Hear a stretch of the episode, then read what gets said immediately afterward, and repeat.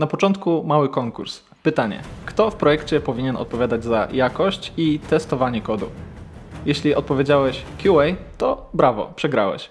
Ale bez obaw, ten film jest dla Ciebie. Zapraszam.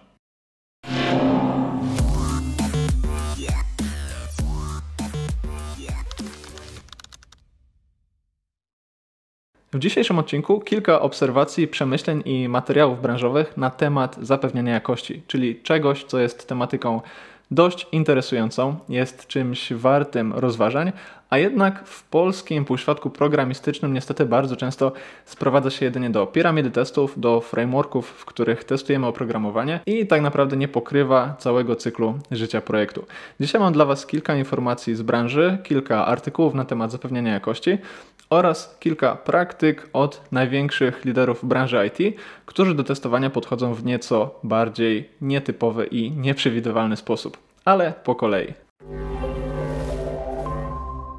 A teraz, wracając do tematyki zapewnienia jakości, zastanówmy się najpierw, czy w tym typowym podejściu do tematyki testów jakości i QA jako takiego może być coś nie tak. No ale właśnie, co jest tym typowym podejściem do zapewnienia jakości? Z moich obserwacji i z obserwacji wielu innych osób ze świata IT wynika, że takim typowym podejściem do zapewnienia jakości jest albo wprowadzenie dedykowanego stanowiska testera, który będzie zapewniał jakość na poziomie projektu, albo w ogóle zbudowanie dedykowanego zespołu testerów, którzy również będą otrzymywać od innych programistów kod i ten kod będzie testowany. No i można się zastanowić, czy to jest optymalne rozwiązanie, czy w takim rozwiązaniu znajdziemy jakieś wady.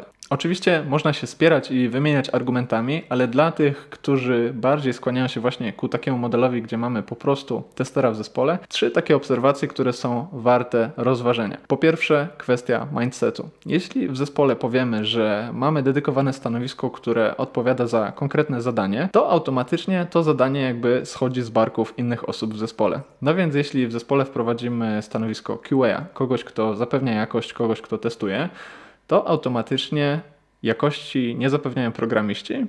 No, chyba się zgodzimy, że tutaj jest coś nie tak. No więc właśnie, kwestia mindsetu. Ten standardowy model, gdzie wprowadzamy QA, który odpowiada za jakość, niejako zdejmuje z barków programistów odpowiedzialność za to samo. A chyba nie jest to coś, do czego chcielibyśmy dążyć. Po drugie, kwestie organizacji pracy. W tematyce zapewnienia jakości często przewijają się debaty o optymalnej liczbie, czy też optymalnej proporcji testerów do programistów. Można się zastanawiać, czy jeden tester powinien przypadać na trzech programistów, czy dwóch testerów na pięciu programistów, a może jeden tester na jednego programistę. No, są to takie debaty, które trudno zmierzyć, gdzie ciężko jakiś obiektywny wynik, ale na pewno wokół nich gdzieś tam pojawia się cały czas problem wąskiego gardła, czyli takiej sytuacji, że testerów zazwyczaj będziemy mieć mniej niż programistów i ci testerzy będą musieli odpowiadać za cały wszechświat, który ich otacza a przez to niestety ryzykujemy opóźnieniami na poziomie wdrażania i realizacji danego projektu. No i trzecia rzecz warta zastanowienia się, taka obserwacja związana właśnie z tym typowym podejściem do zapewnienia jakości, to jest narzut komunikacyjny. Kiedyś, kilka lat temu, ruch DevOps miał za zadanie zaadresować tę przepaść, która dzieliła zespoły implementujące kod od zespołów, które go wdrażały. A teraz liderzy rynku próbują zaadresować przepaść pomiędzy zespołami, które implementują kod, od zespołów, które go testują. I właśnie dzisiaj o tym. Kontynuując jeszcze wątek tego typowego podejścia do zapewnienia jakości, tego standardowego modelu QA czy też testowania, można sobie narysować przed nami taką oś czasu, która będzie dotyczyć poszczególnych cykli życia projektu i zastanowić się, w którym cyklu testerzy testują oprogramowanie. Na samym początku zazwyczaj mamy jakieś definiowanie wymagań, dyskutowanie o opisie projektu, dyskutowanie o tym, kim jest klient, jaka jest potrzeba biznesowa, co my właściwie chcemy zrobić. Później przychodzi czas na architektów, którzy starają się naszkicować jakieś wysokopoziomowe rozwiązanie, jakąś architekturę, może jakiś zestaw serwisów, może jakieś diagramy, wykresy mm, i tak dalej, i tak dalej. Następnie w takim klasycznym modelu chcemy to wszystko zaimplementować, no i jak już zaimplementujemy, no to chcemy to przetestować. A jak już przetestujemy, no to wchodzimy na produkcję. No i właśnie, w tym typowym modelu, w tej osi czasu, którym teraz na, narysowałem, pojawiają się pewne negatywne konsekwencje takiego podejścia, w którym to testerzy zapraszani są do projektu późno. I jakie to są właśnie negatywne konsekwencje? No po pierwsze, sam ten fakt, że testerzy są zapraszani do projektu późno, wymaga od całego zespołu podwójnego wdrażania inżynierów do projektu. Najpierw wdrażamy programistów, mówimy im, czym ten projekt jest, na czym on polega, jaki problem rozwiązujemy, a następnie, kiedy programiści zaimplementują to rozwiązanie, to idziemy do testerów i mówimy, co robimy, czym ten projekt jest, na czym on polega, jaki problem staramy się rozwiązać. No więc mamy duży koszt związany z tym, że testerzy zapraszani są późno. Jaka jest konsekwencja tego, że testerzy są zapraszani późno? Ano, konsekwencją jest to, że często spalamy czas i energię na coś, co w ogóle nie powinno się znaleźć na produkcji. I w tym modelu mamy takie obserwacje, jak gdybyśmy na przykład byli na linii produkcyjnej, która produkuje Skody, na przykład y, Skody Fabie, a testerzy otrzymują informację, że tak naprawdę na linii powinny być Volkswagen Golfy. No więc całą masę wysiłku i energii spędziliśmy na to, żeby y, ustawić tą linię produkcyjną pod Skody, a testerzy sprawdzają, czy z tej linii wychodzą Volkswagen Golfy.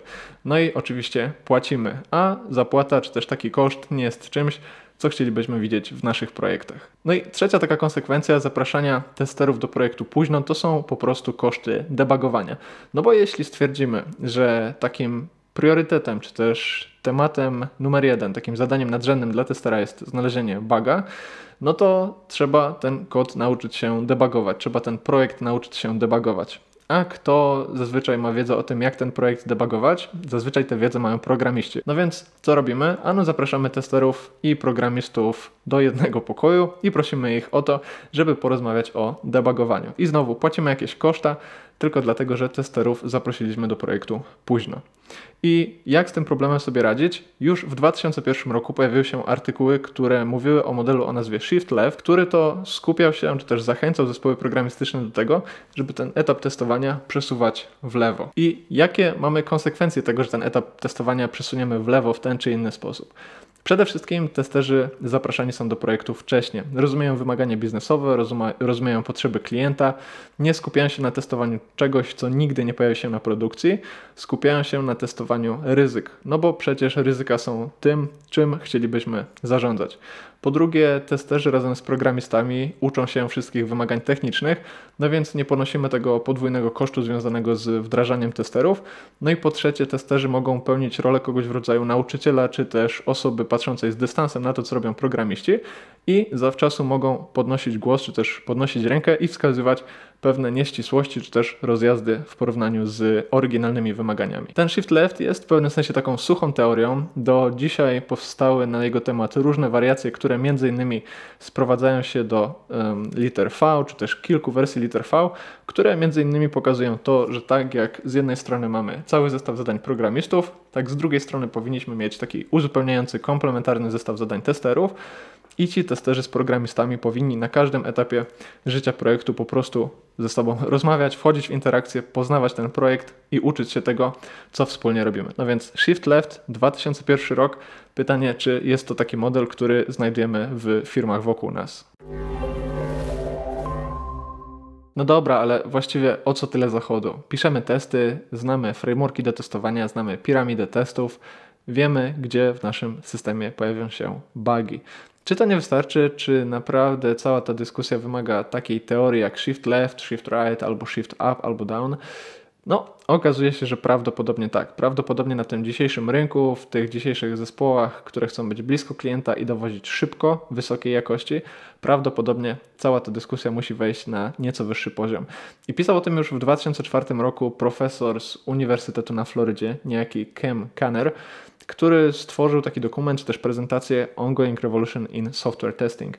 I właśnie ten profesor pisze o tym już w 2004 roku, że jeśli sprowadzimy testowanie i zapewnienie jakości do problemu znajdywania bugów, czyli znajdywania jakichś błędów w logice biznesowej, to pozbawiamy się całej masy informacji o tym, co dzieje się z naszym produktem, który rozwijamy. No więc ten właśnie profesor zachęca w 2004 roku do tego, żeby poszerzyć swoje spojrzenie na zapewnienie jakości i zainteresować się taką tematyką jak właśnie wpływ infrastruktury na działanie systemu, wpływ konfiguracji na działanie systemu, wpływ obciążenia tego systemu na działanie systemu, wpływ stanu systemu na działanie systemu, czy też jakieś inne obszary, których po prostu nie przetestowaliśmy, w tym chociażby zdefiniowanie ryzyk, ponieważ okazuje się, że jak rozwijamy oprogramowanie, to nie każdy przypadek jest tej samej wagi. Mogą być ryzyka, którymi absolutnie w pierwszej kolejności powinniśmy się zająć i wokół tego zbudować testy, ale są też ścieżki, które odwiedzi użytkownik na przykład raz na dwa tygodnie.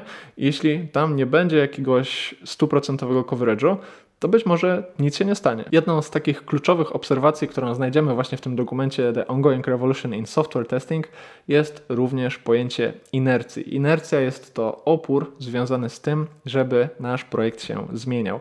I właśnie Cam Kenner mówi o tym, że bardzo często jeśli do tematyki zapewnienia jakości podejdziemy tylko z perspektywy testów, to w projekcie pojawia się duży opór do zmian.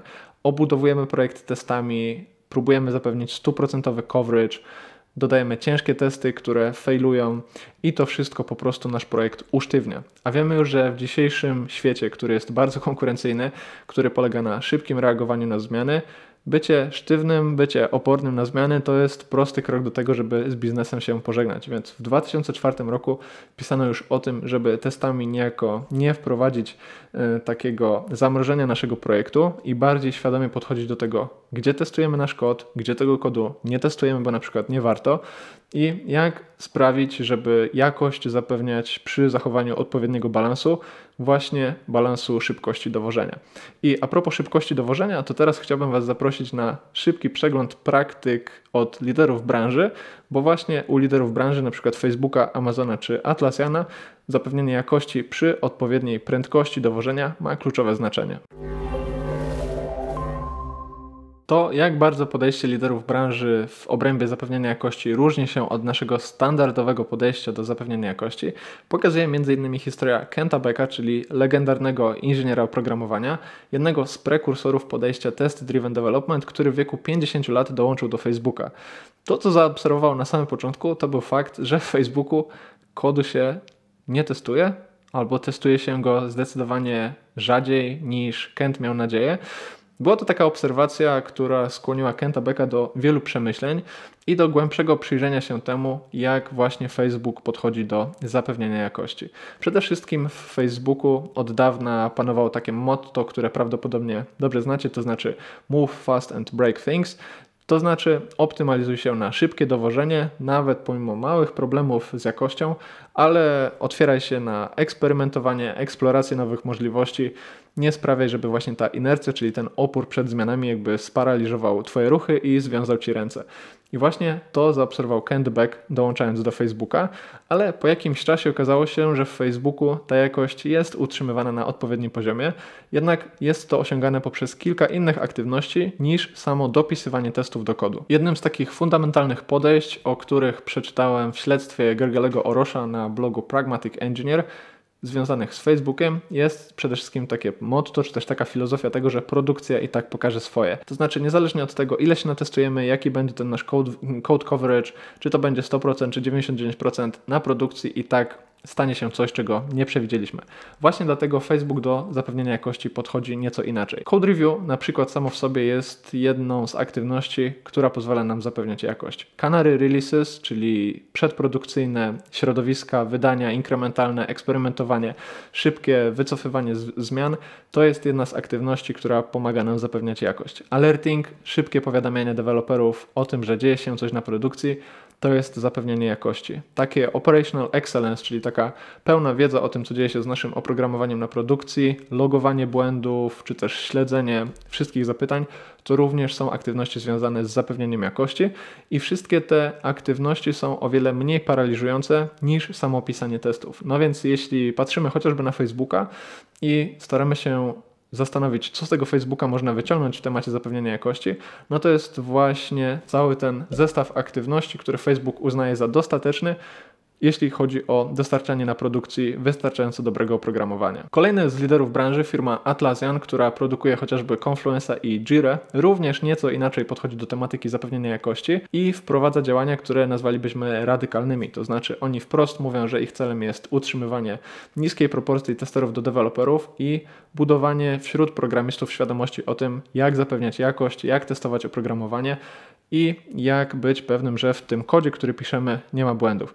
Jaka w tym środowisku jest rola testerów? No to są właśnie tacy nauczyciele, osoby, które pomagają programistom testować kod, którzy razem z programistami współpracują na poziomie implementacji, ale to właśnie programiści od samego początku implementacji są tymi, którzy odpowiadają za jakość. W Atlassianie takie podejście do zapewnienia jakości ma nawet swoją nazwę i nazywa się ono Quality Assistance, czyli pewnego rodzaju asysta w obrębie zapewnienia jakości, a nie Quality Assurance, czyli dedykowana rola, czyli tester, który ma sprawić, że kod działa. Atlassian mówi wprost o tym, że tak możemy ułożyć swój proces, żeby programistów zgodnie z tym duchem Shift Left angażować w testowanie e, wraz z testerami odpowiednio wcześnie i dzięki temu unikamy tych narzutów komunikacyjnych, unikamy tego rzucania tiketami przez płot do testerów tam i z powrotem, unikamy tych zaskoczeń i nasz kod na produkcji znajduje się zdecydowanie szybciej przy zachowaniu odpowiedniego poziomu jakości, który przecież również musi być zapewniony.